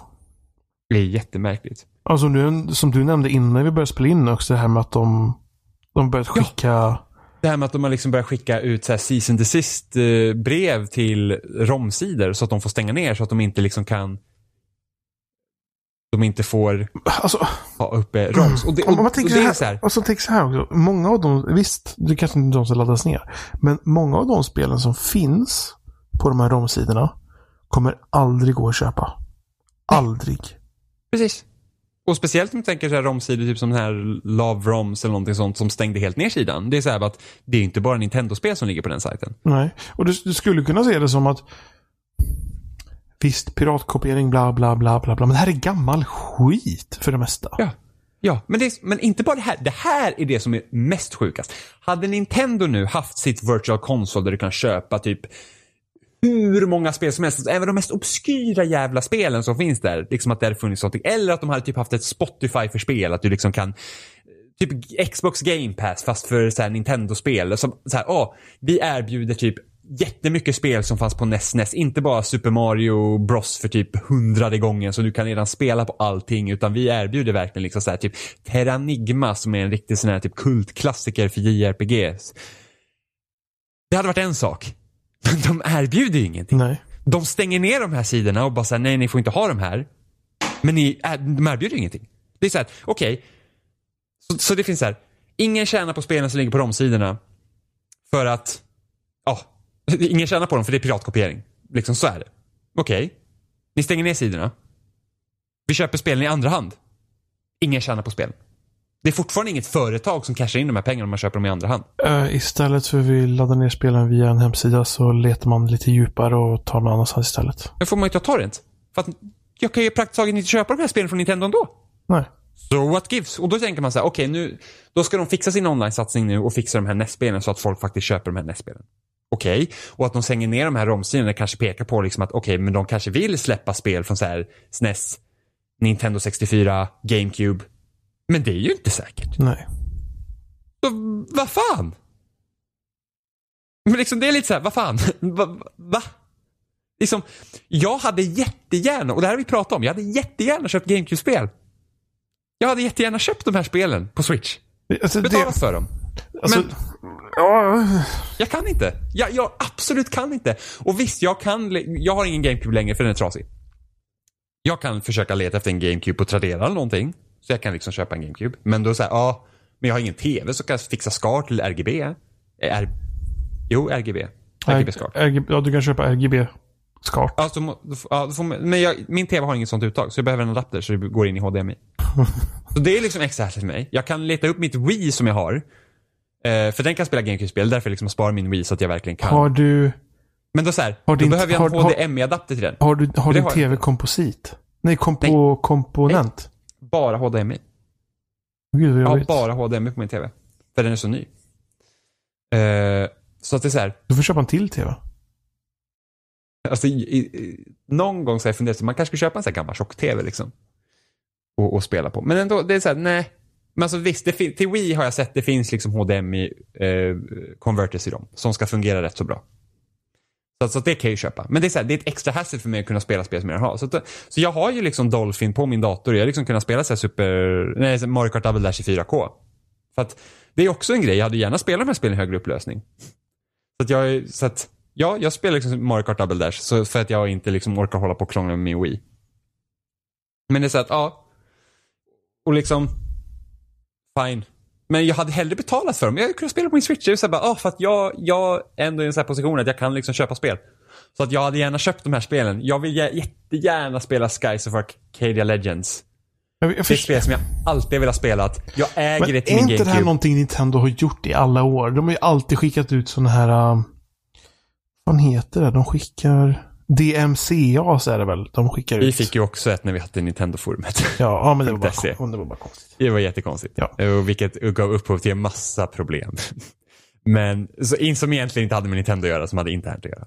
Men, jo, de har alltid gjort det. Och det hade de här, vad jag vet, de här Love Roms och EMI Paradise sagt att de har liksom fått sådana här grejer. Så ofta har det varit så att man tar bort ett specifikt spel som de liksom har problem med eller någonting Ja. sånt. Men den här gången var annorlunda för de gick jävligt hårt på att det var liksom så att nu får ni fan böta upp alltså. Det var liksom på den nivån att folk har liksom stängt ner. Och det är så här, pek, och det, jag kan ju bara se det som att det har i samband med att de ska starta sin online nu och faktiskt ha gamla spel på switchen. Men 20 NES-spel är liksom inte tillräckligt. Och speciellt inte om man tänker typ så här ett rent eh, eh, att bevara spel, att bevara spelhistorien. Ur det perspektivet så gör ju företagen ett Alltså det, det enda företaget som faktiskt gör ett bra jobb på det här det är Microsoft. Med Xbox One. När de har liksom Xbox Originals och Xbox 360-spel som de liksom fixar så att det går att spela på Xbox One. Och förhoppningsvis då till den konsol de, som ska vara efterträdaren till Xbox One. Men det är ju inte alla spel. Och sen så på de här jättegamla spelen till både NES och SNES då finns det ju spel som man har ingen aning om vem man ens ska vända sig till för att få tag i rättigheterna till de här. De är ju bara förlorade helt och hållet. Förutom till ROMs. Där folk har illegalt laddat upp de här spelen. För att det finns inget företag som har hand om de här spelen. Och liksom, och sen så samtidigt har du då Nintendo som då ska kurera, vilka spel tycker de är värda att ska finnas på deras tjänst? Det är förmodligen de spelen de tänker att de kan sälja och tjäna pengar på. Då är inte det här obskyra spelet som kanske en eller två bryr sig om. Eller liksom att ur ett bevarande perspektiv, de säger det bara från att de vill tjäna pengar. Och de spelen då som kommer till deras maskiner, det är ju de här spelen som vill kunna köpa typ hundra gånger. Så typ Super Mario Bros, första Legend of Zelda. Eller då på deras, här, om man nu tänker deras så här, NES Mini eller SNES Mini, är ju ett väldigt, väldigt begränsat urval till, till vad som faktiskt finns tillgängligt. Och då tänker man då på SNES Mini, då finns ju inte ens typ en av de JRPG-klassikerna som folk liksom värderar mest, så här, Chrono Trigger. Det fanns inte ens på den maskinen och det tyckte folk var jättekonstigt. Eh, eller ta liksom typ Final Fantasy, som är en serie som har hur många spel som helst. Men till exempel, det kom jättemånga spel på SNES och NES, men på SNES finns bara Final Fantasy 6. Och på NES vet jag inte om det var Final Fantasy 1 och 2 som fanns på den. Eller om det var vilket Final Fantasy fanns på den. Men det är ju ändå så här, det saknas ju massa Final Fantasies. Och sen har du då Final Fantasy som är liksom låst på eh, Playstation. Som från Final Fantasy 7 och framåt finns på Playstation. Och Sony är inte intresserade av att liksom släppa på PS4 kan du ju liksom inte spela alla Nej. Final Fantasies. Du, nu, de har släppt sjuan, åttan, nian tror jag. Men du har, det finns ju massa PS1-spel de inte har. Som finns på PS3 och PS Vita. Men inte PS4. Så det, är, det är liksom en jävla djungel till att kunna liksom spela gamla spel. Och speciellt nu när liksom alla spel har rört sig digitalt. Och liksom folk har vant sig med Steam. Att det är så att, fin, har du köpt spelet på Steam så har du det spelet på Steam. Och där spelar du det. Och, och, och liksom för det är väl den övergången man märkte mellan PS3, PS4, Xbox 360 och Xbox One. Det var så här, vad gör vi med alla våra digitala spel? Liksom, varför kan vi inte föra över dem? Och som sagt, Microsoft jobbar med det, liksom att de försöker föra över så mycket som möjligt. Men det är ju inte alla spel. För jag tänkte så här typ, oh, det hade varit kul att spela Arkham-trilogin igen. Och, de har ju, och, och Warner Brothers har ju släppt en, liksom en remaster till Xbox One och PS4. Som ska ha några så här grafiska konstigheter som gör att man säger, oh, jag vet inte om jag vill spela de där, jag hade gärna spelat 360-versionerna. Men de är inte bakåtkompatibla på Xbox One. Och det är inte säkert att Warner Brothers tycker att det är okej att de ska bli det heller för att de vill sälja den här nya versionen. Och då kan inte Microsoft göra någonting. Så det är ett jävla gissel med det här med att kunna liksom spela sina gamla spel. Så att jag vet liksom inte. Nej, Alltså, de får ju skärpa sig för det första och så börja s- sälj, gör någon virtual console-ish tjänst. Kalla inte det då, kalla något annat istället. Eller bara släpp dem i butiken som remasters eller bara så det ser ut som att det är ett vanligt spel som har släppts. Eller vad, vad som helst, gör någonting. Mm. Jag förstår verkligen inte logiken med att släppa det här. Nej. Nej, alltså jag tycker det är bara så att, alltså har ni inte, alltså, och, och sen den här bara så här, har ni inte tjänat pengar på det här redan? Liksom vad förlorar ni på att låta sidorna vara uppe? Det, Egentligen. det är väl det att det är inte det att de inte tjänar pengar på det, det är att någon annan tjänar pengar på det. Men det är ju ingen som, tjä- vem tjänar pengar på det? Det är väl om de har reklam på sidan. Fast ändå, hur mycket, hur mycket intäkter kan de få? Kanske mycket. Beroende på hur mycket, alltså det är ganska många som går in på sådana sidor, möjligen. Men vid det här laget, spelar det någon roll, ärligt talat? Nej. Jag förstår ju liksom det här med att man ska skydda sin egen, liksom de här typ att, ja de här som gjorde det här Metroid 2, eller så här, Another Metroid Remake när de gjorde Metroid 2. Och då Nintendo håller på med Samus Returns. Det är ju en sak liksom. För då, då, då liksom gör man ett remake av ett spel och de håller på att göra en remake av ett spel. Men det är ju inte Metroid 2. Det finns ju på Gameboy. Som, som finns på en ROM någonstans. Det är inte samma spel som de släpper. Och jag tror inte liksom att, att någon kan liksom sitta på en Gameboy-emulator, ta bort från försäljningen av deras nyutvecklade remaster som kommer liksom få mycket mer press och liksom hype bakom sig. Men det är ju bara om Nintendo så här populäraste spel. De kommer ju liksom inte släppa Terranigma till exempel. De kommer inte släppa de här obskyra spelen på sin tjänst. Varför är inte de värda att spela? Och det är ju även ett problem som även de här som håller på med bevaring av spel, som jag, tror jag har nämnt det här i podden tidigare, men eh, första Kickstarter-projektet jag backade var i Outerlands Dock. Det här var liksom innan då liksom man började få så här högkvalitativa YouTube-dokumentärer om spel och att folk började intressera sig i den. Utan det här var ju något som jag backade om det var 2012 eller 2013. Och de första avsnitten kom i december. Eh, och där var ett avsnitt helt dedikerat till bevaring av spel och det var den här, jag tror han heter Pete Capaldi, jag kan ha fel nu. Eh, men han, han liksom håller på med det här med att bevara spel, liksom han har liksom sett att det är hans liksom, liksom livsgrej nu, det är liksom att försöka bevara spelmediet och även han liksom tweetar ju om det här med när, när det här hände då, när liksom EMU Paradise liksom lägger ner det, att, att, liksom att det finns ju massa spel där som ingen bryr sig om att komma fixa någonsin som försvinner nu. Och de som då vill bevara spelmediet bryr sig. Men ingen annan gör det. Och speciellt inte företag som inte liksom tjäna pengar på det. Eller de här spelen då som man vet inte vem som har rättigheten till dem längre. Som liksom bara försvinner. Den bara dör. Och de håller ju på liksom, de arbetar ju ständigt med liksom att köpa upp kollektioner, samla liksom spel och då för att bevara dem så att de finns någonstans. Så att man liksom kan titta bak på någon historia. Det är väl liksom, det känns ju som att de stora företagen inte riktigt bryr sig om det. Och det är det som är så jävla tråkigt liksom. Och sen såg jag någon annan på Twitter också. Hon heter Hanna Fridén. Eh, och hon pratade också om det här att, att många av de här när det kommer till de här romsidorna, liksom att, att det finns genrer som är helt döda. Som liksom Ja. inte finns. Ja, det, det är just som ingen håller på med. Och att det arkivgrejen som jag tycker Ja. är...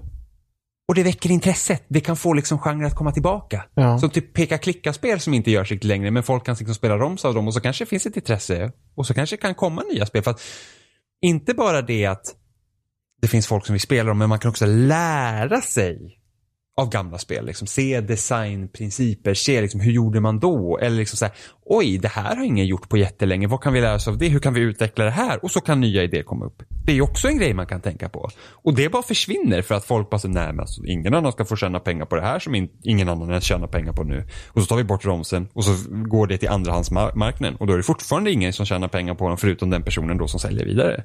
Så det är jättekonstigt. Den här liksom kapitalistiska synen på den. Och det är jättetråkigt. Och speciellt om man då är villig att betala pengar för att spela de här spelen. Det går inte. För att de finns inte någonstans. Bara ta, ta ett så här, okej, ta typ så här, ja men ta GameCube-spel. Jag vill spela Super Mario Sunshine igen. Men jag orkar inte hålla på och koppla in mitt Wii. Jag hade gärna köpt det på Switch, men det går inte. För att Nintendo släpper inte det. För att de är konstiga. Jaha. Då sitter vi här, kan inte göra något åt det. Det bara, ja, jag får bara gilla läget. Det bara finns inte. Det är så märkligt, det är så tråkigt. Tycker jag. Mm. Men det är så, ah. Ja, men det är Nintendo i något konstigt nötskal alltså. Sen kanske de har planer då på att fixa det, men det vet vi inte om för de säger Nej, men det är ju ingenting. det som är så konstigt. Ja. Jag vet inte riktigt hur de tänker. Men alltså, ja. Nej. Ja. Och speciellt om man tänker på Virtual Console-biblioteket till Wii var, var en guldgruva. Ja, det var jättemånga- helt, helt otroligt. helt otroligt. Liksom, inte bara det att de lyckades samla liksom sina egna spel på tjänsten. Utan de lyckades få massa olika konsoler. Så Sega-spel, TurboGrafx. Alltså det var liksom så här. Alltså det är helt otroligt. Inte, jag, Wii U-motsvarigheten av Virtual Console kunde liksom inte matcha Wii. Även om det kom bra spel till Wii U också. Men sen stänger de ju ner tjänsten. Alltså du kan ju inte köpa spel på, på VC på, på Wii längre. Och jag tror att 2019 så stänger de ner så att du inte kan ladda ner dem igen. Så att när din, ditt Wii internminne liksom går sönder, då är de spelen förlorade. Även om du har betalt för dem. Om du inte har backat upp dem på eh, någonting. Men sen så här, går din Wii sönder, då har du ingenting. Då har du ingenstans att spela på dem. Då har du bara liksom den rad kod. Alltså den koden finns på något minne någonstans och det är liksom det Ja. där är de låsta. Så att det är så här att, alltså, kortsiktigheten. Och det är det också som gör att jag är väldigt så här typ att jag helst inte köper digitala spel på Nintendos plattformar för att det är så osäkert på vart jag kan Jag ta jag är för lat. Jag tycker det. Speciellt på mitt, på mitt uh, New 3DS. Mm. För det är så jädra smidigt. Ja, jag, har, jag köpte faktiskt Samus Return köpte jag eh, digitalt för att webbhallen fuckade. Jag hade bokat eh, specialutgåvan och launch kommer och jag har fortfarande inget mail om att jag kan hämta ut spelet. Det spelet vill jag fortfarande spela. Och jag har inte fått något mail om att när det kommer in. Så att jag köpte digitalt. Och sen typ tre veckor efter release, då får jag säga nu finns ditt att hämta i lager. Och man bara säger jaha. Det här jag kunde få veta liksom. Jag ville spela det här på launch. Så det köpte jag digitalt. Men Pokémon Sun köpte jag på kassett och alla mina Switch-spel, förutom de som enbart finns digitalt, köper jag digitalt då. Eh, men då köpte som Octopath Traveler, Captain Toad köpte jag på kassett till exempel. Jag tror väl de, de senaste spelen jag köpte fysiskt är de till switchet. Mm. För jag, liksom, jag ville beställa några. När när jag köpte liksom, så köpte jag några. Ehm, och innan dess var det nog faktiskt Metal Gear Solid 5. Ja, det är typ ett av de sista spelen jag köpte eller fysiskt Ja, till min sen, Xbox. sen så har jag köpt allt digitalt. Och mitt Xbox One har ju nästan inte ens köpt några spel. Där, där, bara, där kör jag ju bara Game Game Pass. Pass.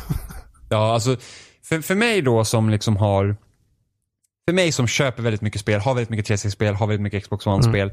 För mig blir liksom Game Pass en onödig utgift. För det, är liksom, det bara läggs på ytterligare spel på ett bibliotek jag redan liksom känner inte att jag men, hinner med. Men, men ho- hoppar man Men- på Xbox One nu så är det Ja. helt otrolig känsla alltså. Absolut. Alltså det är så att har du inte haft ett 360 och du har inte haft Xbox One och du köper en Xbox One nu. Ta Game Pass. Du har så mycket att spela. Ja, eller du har haft ett Xbox 360 någon gång men du har inte kvar spelen eller... Ja, eller har sålt. Ja. Det, det, är, liksom, det är helt amazing. Eh, men faktum är att nu, jag har faktiskt bokat PS4 Pro Spiderman Edition. Och då, och det är så här, vilket liksom, vad man har ändrat sig va? För då får man Spiderman på skiva och jag var så här, mm. Alltså det var nästan så att jag, det var nästan så att jag såhär, behöver jag en Pro? liksom, det blev liksom det såhär, va? ska jag verkligen? Jag, Ska jag verkligen? Men det är så att jag tyckte den kont- handkontrollen var så jävla snygg. Jag, att jag jag beställde faktiskt mitt första fysiska spel då. På länge i alla fall då, förutom Switch då, igår. Och då beställde jag Nino Kuni 2. Den största specialutgåvan. Den var ju skitbillig. Mm. Den har kostat, var det ett och någonting från början tror jag. Jag tror 1800 typ. Mm. Och det var ju jättefin 499. listetyg. Ja, så att, det var ju nästan så att jag var lite sugen. Men, eh, men jag var inte jätteförtjust i Nino Kuni 2. Jag borde egentligen sätta mig och klara ut det, men det kommer spela hela tiden så jag liksom hinner inte. Så jag föll av det. Men någon gång ska jag liksom sätta mig med det. Men, jag, känner, jag känner att jag var nästan tvungen eftersom jag har specialutgåvan för första spelet. Ja, men då är, då är man ju lite så här. mm. Men jag, jag köpte ju, jag köpte faktiskt Mirror's Edge Catalyst eh, specialutgåvan när de rev ut den på webbhallen. Var det med den statyn med henne? Ja, den ser inte jättebra ut Det ärligt talat. brukar vara väldigt... Jag vet, jag vet. Det är liksom så här. Det, det brukar vara ganska risigt ändå. Och eh, jag bara låtsas som att den ser bra ut. Och så står där. Ja, sen man så- står några meter ifrån så... Ja, men precis. Det är så här, man glimtar lite på den. Så ser man. Men, men samtidigt är det specialutgåvan till Gears War 3 med Marcus Phoenix-statyn, den ser bra ut tycker jag. Och sen så var, alltså det var ju så sjukt med specialutgåvan till Gears War 3. För att jag bokade den värsta Ja, modellen och på det var den som försvann så de skickade ut en annan sak istället. Var Ja, de var såhär, vi kommer inte få den. Så då var det så här att, vi, ni kommer få en så här Loki-staty som redan den typen var värd 2000 spänn.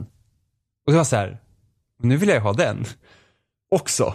Men jag vill ändå ha Marcus staty, för jag, jag tycker ju om Marcus Phoenix som karaktär också, så det är liksom min, så. Eh, och så såg jag att Game kunde man boka Gears of War 3-utgåvan med Marcus Phoenix-statyn. Och den var dessutom typ halva priset mot vad webbhallen hade tagit den. Och så så här, fan, vill jag ha den. Så att jag köpte både den Epic Edition av Gears of War 3 med Marcus Phoenix-statyn och med Locust-statyn. Så att jag har dem faktiskt på min... Där. Jag har till och med Night Vision Goggles för Modern Warfare 2. Som var egentligen så här. Alltså det var, vad- det var här när det började bli så helt sjuka specialutgåvor-spel. Och jag, jag bara fick sånt ha-begär av att ha den där jävla Night Vision Goggles. Och jag Funkar har de? aldrig... Ja det gör de. Rutan är så liten att det är liksom så svårt att gå med dem. Så att man liksom, men man kan sätta på dem så bara, ja jag ser. Och sen så kan man typ inte röra sig med dem för att det är så jävla svårt. Men jag tror, jag tror sådana är nog väldigt, är väldigt sällan gjorda för att liksom du ska kunna gå med på det sättet. Alltså menar du plojgrejerna? Inte de riktiga grejerna menar du väl? Alltså om militärens night vision goggles har det begränsade synfältet, en Ja. eloge till dem att de ens kan göra någonting. Jag tror för kanske inte är det- så, men många av de militär naturligtvis och sånt där är ju inte för båda ögonen utan det är bara för ett öga. Alternativt är det en sak som blir för båda ögonen så man har ingen, man har inte man får inget, eh, vad ska man säga, djup. Ja, okej. Du har bara, du ser bara i 2D så att säga. Ehm, så Mhm. de är jättesvåra att gå runt med för att det blir helt konstigt. Ja. ja det jag kommer ihåg från de mina då, det var att det, skärmen var så jävla liten så det kändes som att man tittade liksom in genom ett litet vykort typ. Så att man var såhär, jag har ingen spatial awareness överhuvudtaget för att jag vet liksom inte ens i- vart min egen kropp är i förhållande till, till liksom rummet. Sen har jag också Songbird Edition av Bioshock Infinite har jag. Eh, med den fågelstatyn som jag gillar väldigt mycket. Och sen så tycker jag ju faktiskt att Nintendos Amiibo-figurer har väldigt bra kvalitet, många av dem. Så jag har ett par sådana också. Så jag har typ, ja men typ jag köpte den här Metroid-statyn, eh, eller om Amiibon från eh, Samus Return som jag tycker är så jävla snygg. Som det, du vet, framsidan på det, liksom även Gameboy-omslaget och till eh, 3DS-omslaget när hon sitter ner liksom med, med armen uppåt. Liksom. Mm. Så ser den statyn ut. Och sen har jag liksom Wind Waker, Link och Zelda. Och sen har jag någon från Twilight Princess och så har jag typ Bowser Jr. och sen Totakeke från Animal Crossing. Den menings, mest meningslösa specialutgåvan jag köpt var nog Skyward Sword tror jag. Men fick man inte guldhandkontroller med den? Jo. Men det var ju asbra. Men spelet suger. Ja, jag gillar ju Skyrim. Och sen, sen fick man, Man fick Wii en- Play. Som alla köpte för att få den där Ja. extra handkontrollen. För att det var, gick verkligen inte att få tag i, i någonting till Wii när den kom.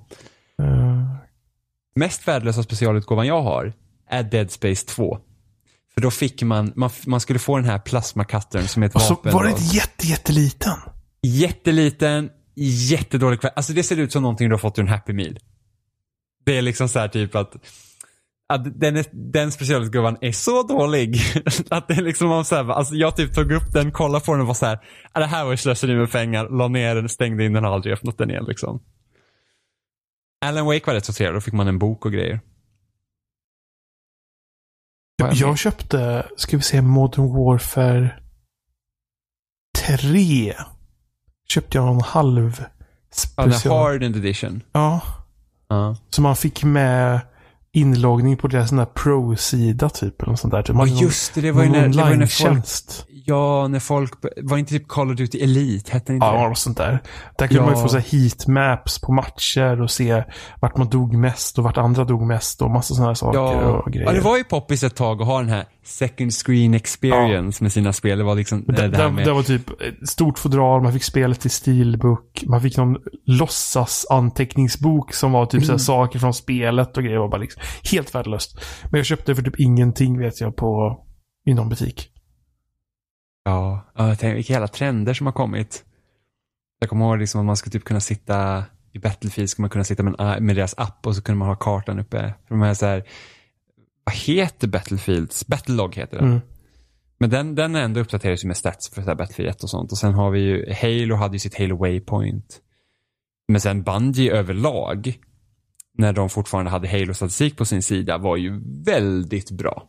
Alltså väldigt jämnt. Du kunde liksom hitta alla dina matcher du har spelat, liksom, liksom vilka vapen du hade använt, eh, hur, mycket, liksom, hur lång tid matchen tog. Så man kunde liksom all den statistiken. Det är skitbra. Och nu är det ju bara Destiny på, på Bungie, så det är lite synd. Ja, 343 har väl också ganska detaljerad statistik tror jag på, på, på deras sida med, med Halo. Men jag tror inte att det är lika bra som Bungie hade med sin Bungie.net. Faktiskt. Men de hade ju liksom jättelänge hade de statistik från Halo 2-tiden. Ända fram liksom till Reach. Och sen det tog de väl bort för något, ett eller två år sedan tror jag. Jag, gillar faktiskt Battlelog faktiskt. Jag tyckte det var helt okej. Eh, Ja, men Battlelog kunde vara kul. Synd bara att Battlefield 4 och framåt inte är lika kul som Battlefield 3. Nej, alltså allt var till det? Allt var ju bättre med Battlefield 3. Det var så. Det bästa Battlefield känner jag. så bra. Jag kommer ihåg, mitt första Battlefield jag spelade var 1943. Eh, på den tiden jag hade mitt, mitt första var 1942 då. det första Battlefield. Det var det första jag spelade. Jag spelar inte på PC. Jag kommer ihåg att det var så jädra amazing att spela hemma hos någon kompis. Man kunde, man kunde flyga, man kunde köra, man kunde allt. Ja, och jag kan jag kommer ihåg att i Battlefield 1942, för de hade jättestora problem att få världen att renderas när du flög i flygplan. Så de behövde hitta på någon så här fake-grej för hur kartan skulle renderas när du flög så att du kunde liksom typ se vad det var för någonting. Så att de, de fick typ så här, det var så att du såg ju inte det som hände på marken i realtid utan det var någon så här fake-rendering av grejerna. Har jag för mig. Jag tror jag läste i någon tidning. Men jag är inte 100% säker. Men det var liksom så här väldigt fascinerande över vilka, att, att hårdvaran begränsar dem så mycket som behövde liksom fejka. Ja men, Det. men, ja, men så var det ju med mycket. Mm. Men det, Ja. ofta, det gjorde ju ofta att de kunde göra saker så att de såg mycket snyggare ut än vad de var. Ja, också. och, vilka, och liksom begränsningarna ger så kreativa lösningar. D- där är Eh. Nintendo och deras Wii helt otroliga. Ja, så Super Mario Galaxy ser ju otroligt bra Tack ut. vare det där konstiga, skimmeriga, Ja. f- eh, skimriga filtret som liksom Ja. ligger över allting. För förutom upplösningen så, så var det liksom on par med allt annat som släpptes. Ja. Det är liksom helt sjukt. Um, för att det, för, för Todd Howard sa, liksom som att konsolerna nu är liksom så kraftfulla så Todd Howard sa ju det att vi kan i princip göra vad vi vill. Men det är ju inte rimligt. liksom. Vi kan göra vad som helst. Men det är liksom, men man har liksom ändå inte resurserna till att göra det. Så man måste liksom begränsa sig till Mm. vad ska vi göra. Och det är ju en lätt så skrämmande tanke liksom att man kan göra vad som helst. Och sen liksom bara så här, men vad, vad kan vi göra? Vad är rimligt att vi gör? Vad, vad hinner vi göra? Mm. Vilket ska bli jävligt intressant. Alltså jag är väldigt sugen på Fallout 76. Även om det verkar mer, alltså även om det är mindre av vad jag hoppas på att det ska vara liksom den här survival-delen. Att det blir mer så att det är ganska en chill Fallout-upplevelse för kompisar i princip. Hur går det med Bethesda? Jag läser konstant hela tiden hur folk är sura på dem, hur folk... Vad är folk sura på? Det var, var det inte någonting med att de ska bara släppa deras spel i en ny butik? Ja, det just det. Fallout 76 ska inte släppas på Steam. Det går inte, det går inte, och även typ alla versioner går inte att sälja begagnade och... Ja, just det. Det var ju hela den grejen. Så det var så här att nej, Fallout 76 ska inte säljas på Steam. I alla fall inte till en början. Det ska gå i deras egen så här, Bethesda launcher. Och sen har de liksom skickat typ så här eh, mail till folk som typ säljer spel på Ebay. Nej, Amazon. Som återförsäljare som säljer deras spel begagnade. Vad är det liksom för skit? Liksom vad... Va? Det känns ju som, alltså, för jag snackade med en, en på jobbet och idag. Och jag förstår inte för att det känns som att de har åkt tillbaka till Battlefield 3-tiden. Då EA skulle ha de här online-passerna till alla deras spel. Mm. Kommer du ihåg den tiden? Online passes, jag trodde, ja. Det var till och med, var inte det vi snackade om det för ett tag sedan så trodde jag att det var så fortfarande. ja, ja nej, men, för det, det blir så flummigt nu. För jag och Oliver spelade Dead Space 3. Ja. För det blev gratis på PS, eller på guld. Och sen när vi skulle starta och spela co-op, och jag säger bara, tryck in, aktivera din online passkod, kommer jag få upp det. Och jag var så men det har jag inte. Och så gick man in så här, så bara, men ladda ner det då. Och det gick inte att ladda ner det via spelet. Du bara, nej det här finns inte längre. Och jag sa, men, men, nej jag vet att det inte finns, men ni tog bort allt det där. Men alltså jag har ju, jag har ju skrivit in koden någon gång för jag spelar i co Så då fick jag liksom så här, bara, fan hur gör jag nu då liksom? Och sen bara, vänta nu. Då får jag gå in så här på, får gå in i, i så här My Games and App på Xbox One. Och så får jag gå in så här på så add-on content till spelet. Och där kunde jag hitta online-passet så att jag liksom kunde få ner det från min download-list. Som jag någon gång har laddat ner för liksom så typ sex år sedan. Men liksom, det var så, var så här konstigt liksom, begränsning jag behövde hoppa igenom. Just på grund av att de har gjort den begränsningen från första början att du behöver ha ett online-pass för att spela co-op för att de var så jäkla rädda för begagnat handel med tanke på att det är ett problem som skulle lösa sig själv eh, ändå. Så var det så här, jag kan inte spela co-op för att jag måste lösa det här problemet som har skapats för att ni var rädda för någonting annat som inte är relevant längre. Det var så weird. Och vad händer när, liksom, och sen när inte det går att ladda ner längre då går det inte att spela spelet i co-op längre. Nej. Men, men, i fall, men, men, i alla fall så känns det som att det är där som Bethesda nu har hamnat. De har liksom glömt bort att andra har försökt att göra de här sakerna och sen till slut skitit i det. Men nu känner de att nej, nu ska vi banne mig köra den här kodhistorien. Det är jättekonstigt. Oh, och apropå det, kommer du ihåg när Bethesda var också att vi kommer inte skicka ut recensionskoder till våra spel? Jo, för att Doom var så bra. Ja, och sen så här, och nu, och nu, nu gick de ut och sa att vi har tagit bort det nu. Så vi kommer skicka recensionskoder för att vi var så trötta på, inte det här med att vi gjorde ett misstag för att våra spel har inte sålt så bra. Vad kan det bero på? Kan, kan det kanske göra med att recensionen inte kommer ut i tid att folk liksom tycker att era spel är bra? Att folk liksom säger nej jag väntar nog för att jag vet inte riktigt. nej, då var det så här, nej för att vi var så trötta på att recensenter liksom nämnde det i början av deras recensioner. Vi tyckte att det var så onödigt. Vilket jag tror absolut är ett bullshit-argument från första början. Men sen lägger de också skulden på, på media. För att de har en jävla dålig recensionspraxis. Alltså Bethesda. Nog för att jag ändå, liksom när, som, som har recenserat hur länge har, så att, Hur länge har de släppt? Alltså, det är ju så skumt för de hade ju det vid, det var väl när, vilket, fan vilket var det första spelet som hade så att de inte skickade ut recensioner? Jag får mig det, det var varit... Doom eller om det var det som kom efter Doom. Det var Doom. Jag tror det var Doom. För de, de slutade med recensionsexemplar vid Doom och så sa de Kolla här, vi kommer fortsätta med att inte släppa recensionsexemplar för att kolla så bra det gick med Doom. Ja, fast jag undrar om de inte första spelet som kom liksom typ Day and Date var Wolfenstein. Kanske det var. Jag tror inte att de hade liksom praxisen Menar original Wolfenstein? Alltså, ja, eh, precis. Uh, New Order. Ja, precis. Mm. Jag undrar om inte det var det spelet som kom, alltså den koden kom så sent och folk var lite såhär, äh, vi kanske måste vara lite försiktiga med det här spelet. Och sen vet jag att ingen fick koder på Doom och då var så här folk, ja, var, var försiktiga nu för vi vet vad det oftast brukar innebära när, när liksom koderna kommer samma dag som spelet släpps. Liksom. Och sen visade jag att Doom var liksom bra. Sen så sålde Dishonored 2 sålde under förväntan vet jag. Och det, för det fick jag ingen kod på heller. Och Prey sålde väl under förväntan och jag tror att den koden kom också. Men det är så skumt med Bethesda för att de skickade sen ut vissa koder tidigare. För så att Dishonored Death of the Outsider som är liksom här typ spin-off-spelet på, på Dishonored 2 skickades ut tidigare. Jag undrar om inte de börjar märka det, liksom, att deras spel liksom inte riktigt tog fart för att det liksom, även om spelen också kritiskt, alltså fick bra kritik, har liksom fått så 8-9 liksom. Sålde de dåligt. Doom sålde ju då bra, men liksom såhär, Dishonored 2 sålde dåligt, Prey sålde dåligt. Och det kan ju också ha att göra med när de släpptes. Prey liksom släpptes under en tid som där Alltså Prey kom ju efter Zelda, efter Horizon, efter Persona. Det liksom hade redan kommit så många spel som har tagit upp den liksom som spacet. Och sen så Dishonored 2 släpptes under julhandeln liksom och drunknade bland Call of Duty och Battlefield och Titanfall och allt dem. Men liksom Wolfenstein 2 sålde också dåligt. Så jag undrar om inte det kan vara så att äh, men vi pushar ut lite tidigare så att folk kanske kan hypa upp, alltså media får liksom en chans att liksom då kunna säga att ja, men våra spel är bra och kanske någon dag innan release att folk bara, men då vill jag ha det. Kanske. Men de lägger skulden på media. Bara att nej, men recensenterna skriver om vår recensionspraxis i början av boohoo. Även om jag typ själv inte tycker jag har läst det. Att folk har gjort, att recensenterna har gjort det.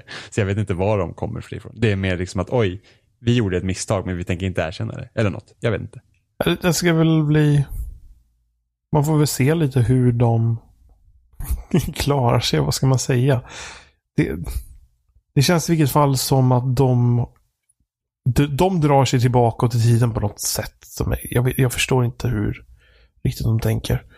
Uh, först och främst med recensionsexemplar-grejen då. Bra att de har börjat med det ändå.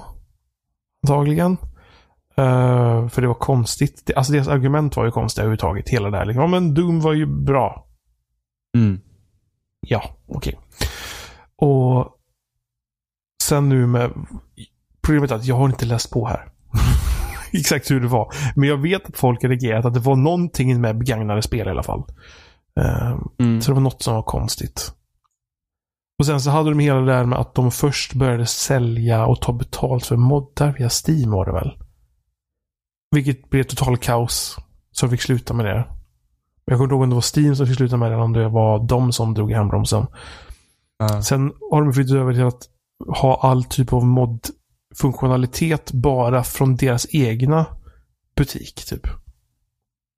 Ja. Och det är väl där de antagligen då helt enkelt kommer koppla även då att själva spelen säljs också då. Men det är konstigt. Eh, men jag är också taggad på det spelet så. Men jag kommer inte förhandsboka. Nej, men sen man behöver typ inte förhandsboka heller om man köper digitalt ändå. Liksom. Nej, för man får det direkt ändå. Det är typ bara om man vill preloada. Om man känner sig. Men jag, jag är peppad på att spela Fallout 76. Jag ska tycka ja, så snabbt internet så spelar det roll. ja, men skryt Johan. Fast, alltså det är så här, jag hundrar ner, kom hem. Det här är inte reklam för kom hem, men jag tycker att kom hem är jävligt bra. För jag får ofta ut mer än vad jag betalar för. Jag, får, jag, jag ligger ofta på 110. Jag får, jag, jag, får också ut mer nu än vad jag betalar för. Mm. Efter de bytte min medieanvandlare. För den krånglade. Så för, så för mig går det väldigt fort att ladda ner på Xbox One. För mig Wii, går det... Eller Switch däremot är segt. För mig går det inte att ladda ner på Xbox One. Det högsta jag kommit upp i är typ 110-120 megabit. Någonting sånt där. Precis, och det, det, är många som klagar på det som har snabbt internet. Att, att, det går, att du inte får snabbare på Xbox One. Men Nej. jag har ju inte snabbare än 100. Nej. Alltså för mig är det ju så här, det Jag har liksom 200, jag, jag har liksom 250-260 megabit. Då... Ja. Eh, däremot på Steam går det fort. Då kan jag ladda ner i typ 32-33 megabyte per sekund. Ja, med Steam, där, det är helt sjukt. Alltså det är verkligen, där laddar man verkligen. Ja, det är så jävla fort på Steam. Jag, jag har sett folk som har typ så här sinnessjuka internetkopplingar. Och det skalar alltså. Får du en, snabb, ja. får du en så här sinnessjuk snabb uppkoppling så laddar du ner riktigt fort ifrån Steam. Så det, det, ja. det är ett bra test för att se vad du har för nedladdningshastighet.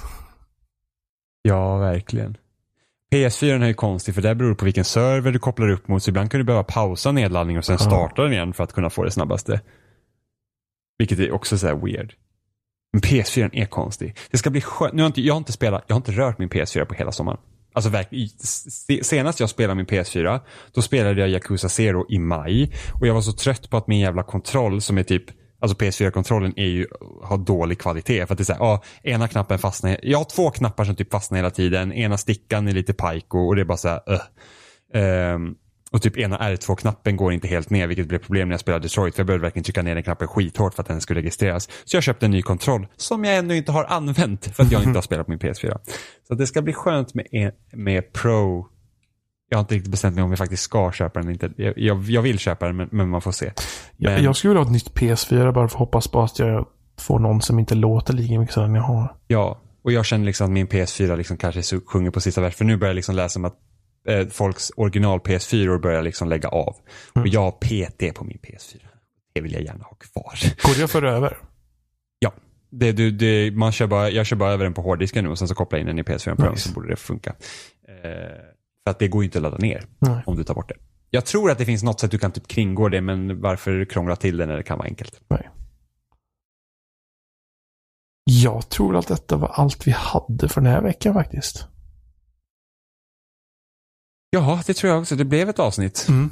Alltid lika förvirrat och kaos. Eh, men ja, så... vi hoppar runt. Vi återkom till Battlefield typ fem, sex gånger var. Jag tror att temat i det här avsnittet var Nintendo och Battlefield. vi, vi fick gnälla lite på Nintendo igen. Men det är så... Mm. Jag, jag, jag ska, dra inte igång med igen. Nej, nej, nej.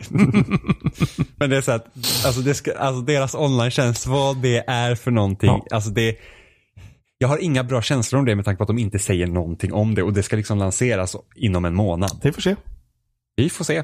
Det ska bli kul att betala för samma sak vi har nu gratis. Som är undermåligt som inte, det går ju inte att klaga så mycket när det är gratis. Det finns saker man önskar vore där. Men sen ska man betala för det och så bara hmm, Ja, vissa spel kanske kan ha cloud save. Varför inte alla och varför inte det gratis? Ja, vi får se. Vi finns som vanligt på spelsnack.com. Där hittar ni länkar till de flesta ställena vi finns.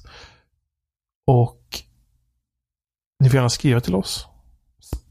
Kontakt spelsnack.com om ni vill mejla. Eller våra förnamn spelsnack.com. Spelsnackpodd heter vi på både Instagram och Twitter om ni vill kontakta oss på de sätten. Eller se vad vi gör för dumma saker. Mm. Ja, oh, jag måste ju faktiskt pusha för vi släppte ju Loading special. Ja. Två. Det vill jag pusha för. för att det, en, det, vad ska man säga, ett e-magasin? Ett... Ja, man ska säga att, ja men precis, det, det är som ett temahäfte så vi liksom, eh, vi släppte ett vi släppte nummer ett för typ tre år sedan. Och det var tanken var att vi skulle liksom släppa det här kontinuerligt. Men, men sen så här att, ja, det kan vara lite svårt att ha tid till det och sen liksom vi, vi försökte med ett nummer två. Vi, hamnade, vi kom väl aldrig riktigt ur diskussionsfasen. Ehm, och, och, och, nu under sommaren så har jag pushat för att vi ska göra ett nytt nummer. Så att vi, där vi, vi valde temat sommar och så fick vi, vi var ett par stycken som skrev krönikor. Liksom, men liksom, sommar, det var liksom temat och sen så fick man skriva lite vad man ville. Så vi var väl en sex, sju stycken som skrev en krönika var och sen så har jag suttit och, och liksom lagt ihop det och idag släpptes det lagom till att sommaren började ta slut. Då, så det var lite pinsamt att släppa ett, ett häfte som heter Sommar på hösten. Nu har vi ju den svenska sommaren kvar utan den sjuka värmen. Precis, det har liksom varit det har inte varit en normal sommar så att man får liksom hejda sig lite. Det, det är, nu, så, det är nu man kan sitta in och läsa och spela. Ja, så, så, att man hittar om man går in på Loadings Discord eller Loadings Facebook eller Loadings Twitter kan, kan man söka eller... fram den på den där issue-hemsidan? Ja, man kan gå in på, precis, issue, eller som jag säger issu, issuu.com och så söker man på loading special så finns vi där. Eh, och förhoppningen är ju nu att vi ska släppa en sån här temahäfte lite mer kontinuerligt för att nu, nu kan, jag har lärt mig så gott jag kan Indesign. Eh, precis, där man, där man kan göra såna här eh, mm. liksom typ tidningar. Och det är någonting som, så det, det är nästan helt nytt för mig. Jag, eh, jag läste medieteknik nu under våren så då, då arbetar vi lite i det. Så jag, jag är väldigt ny på det men jag tycker ändå att jag lyckades relativt bra med tanke på att det är typ första gången jag har gjort något så här stort projekt. Så, att, eh, så jag är väldigt nöjd med över vad vi åstadkommit så jag hoppas att folk läser det. Och så hoppas jag att vi ska kunna göra fler sådana här temahäften med liksom eh, var tredje eller var fjärde månad och sådär, att vi kommer ut liksom med lite större grejer. Just om man söker väldigt... efter loading special i ett ord Precis. Inte i uppdelat loading special, utan loading special till ett loading. ord. Då ser man, hittar man både första och andra delen faktiskt. Ja, så att läs båda för att vi la ner väldigt mycket tid på det. Kan man ladda ner som pdf eller? det nej, Nej, det, det går man. inte att ladda, för att man måste betala, eh, man måste vara premiummedlem på Issue för att kunna ge möjlighet att ladda ner och det var väldigt dyrt. Det kostar Men, typ men så här, har ni en pdf? jag har ju en pdf på min dator. Så att, Ja, eh, men, jag menar, det- jag menar alltså, eller vill ni att alla ska gå in där och läsa kanske? Eh, Jag vet inte hur det riktigt fungerar. Jag vet heller inte vad liksom eh, om... Eh, jag vet ju inte om det är någon som önskar att ha en pdf som de kan ladda ner heller. För att det Nej. går ju att fixa någonstans. Typ att man lägger upp en, en gemensam Ja. drive-fil eller någonting sånt. Men, men, just men, nu men än så så länge så går det att söka fram det på Issue där och... Eh, Ja, så att det ser ut som en fin tidning. jajamän. Ja, vi, vi, vi hörs igen om en vecka. Det gör vi, det gör vi. Hej! Hej!